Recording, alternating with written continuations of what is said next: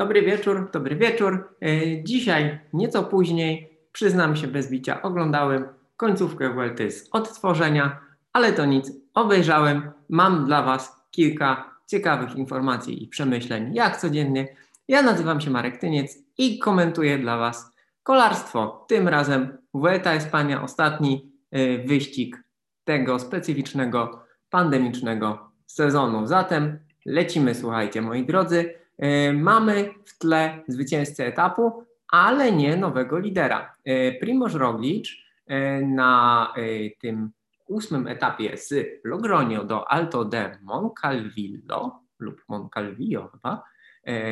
Słuchajcie, muszę się zacząć uczyć języków romańskich, włoski, francuski, hiszpański. Uczcie się języków po to, żeby móc dobrze wymawiać nazwiska kolarzy, po to, żeby móc dobrze wymawiać e, nazwy miejscowości i gór e, w e, najbardziej tradycyjnych kolarskich krajach.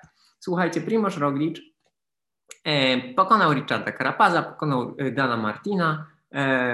W klasyfikacji generalnej Carapaz ma 13 sekund przewagi nad Roglicem, 28 nad Martinem. No i tyle, tak? Tak można byłoby zamknąć taką notatkę prasową można było powiedzieć, że e, Roglic wygrał po e, ataku na ostatnich kilometrach finałowego podjazdu. Finałowy podjazd bardzo wymagający, około 8 kilometrów, 25 minut jazdy, stromy, nieregularny, jak to na Vuelcie. Natomiast taka krótka notka nie odda tego, co tam się działo. Bo e, Vuelta, słuchajcie, faktycznie jest takim wyścigiem, gdzie wielu kolarzy próbuje swoich sił, wielu kolarzy E, próbuje innych rozwiązań, rozwiązań taktycznych i sam ten jeden e, ostatni podjazd na Alto de Moncalvillo e, pokazał, jakby był taką Vueltą w pigułce. To, co tam się działo, to była taka Vuelta, Vuelta w pigułce, bo swoich sił próbowali w zasadzie wszyscy.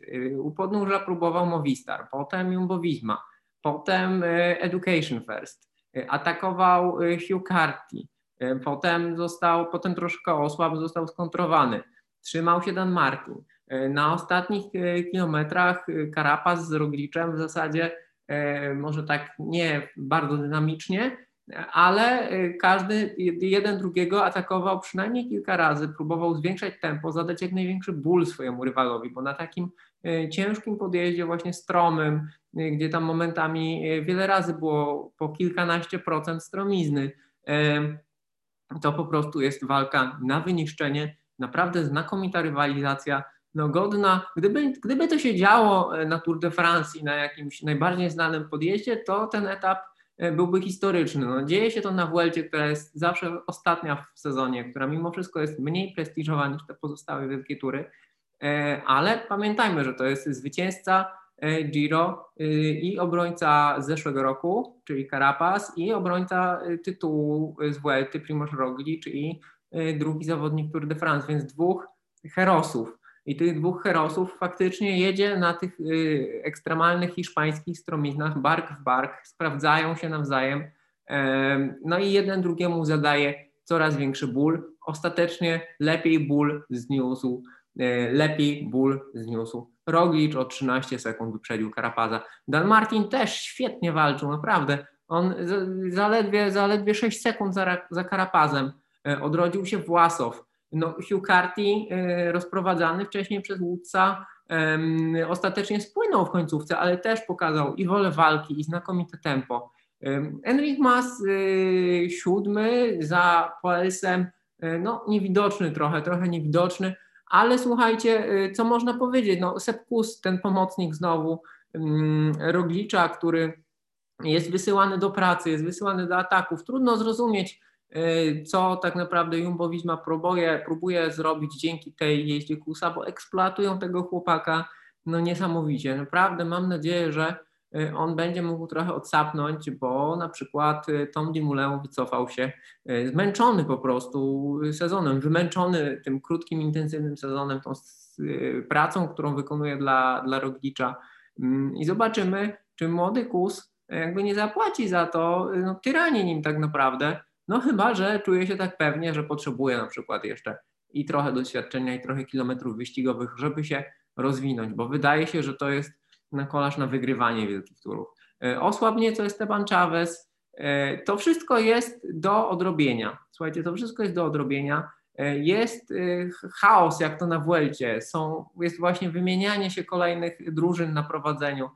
Są ataki, które no, przynoszą selekcję, ale nie przynoszą dużych, dużych różnic w klasyfikacji generalnej. Choć y, przez to, że jest tak bardzo intensywnie, to realnie w tym momencie e, liczy się pierwszych czterech zawodników, czyli Carapaz, Roglic, Martin i Carti i między nimi jest w sumie tylko 44 sekundy różnicy. Piąty Mas stracił już prawie dwie minuty, szósty Gross-Schartner e, jest egzekwo z e, Chavezem 3,5. No i to w zasadzie tyle. O jedno miejsce wspiął się znów Valverde, też nieco 3,5 minuty. Także Vuelta naprawdę y, taki etap jak dziś, taki podjazd jak dziś, to jest właśnie tak jak mówiłem, Vuelta w pigułce, y, chaos, ból, cierpienie. No i na koniec trochę y, danych.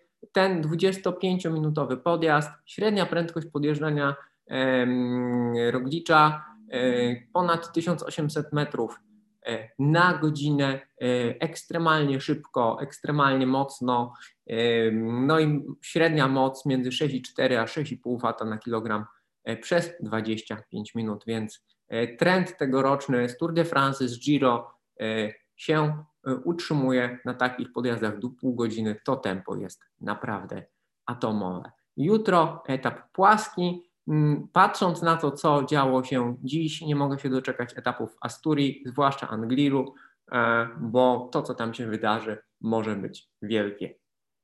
Słuchajcie, tyle ja. E, jestem trochę zachrypnięty po, po proteście, no ale są rzeczy ważne i ważniejsze. E, dziękuję Wam uprzejmie i do zobaczenia. Cześć.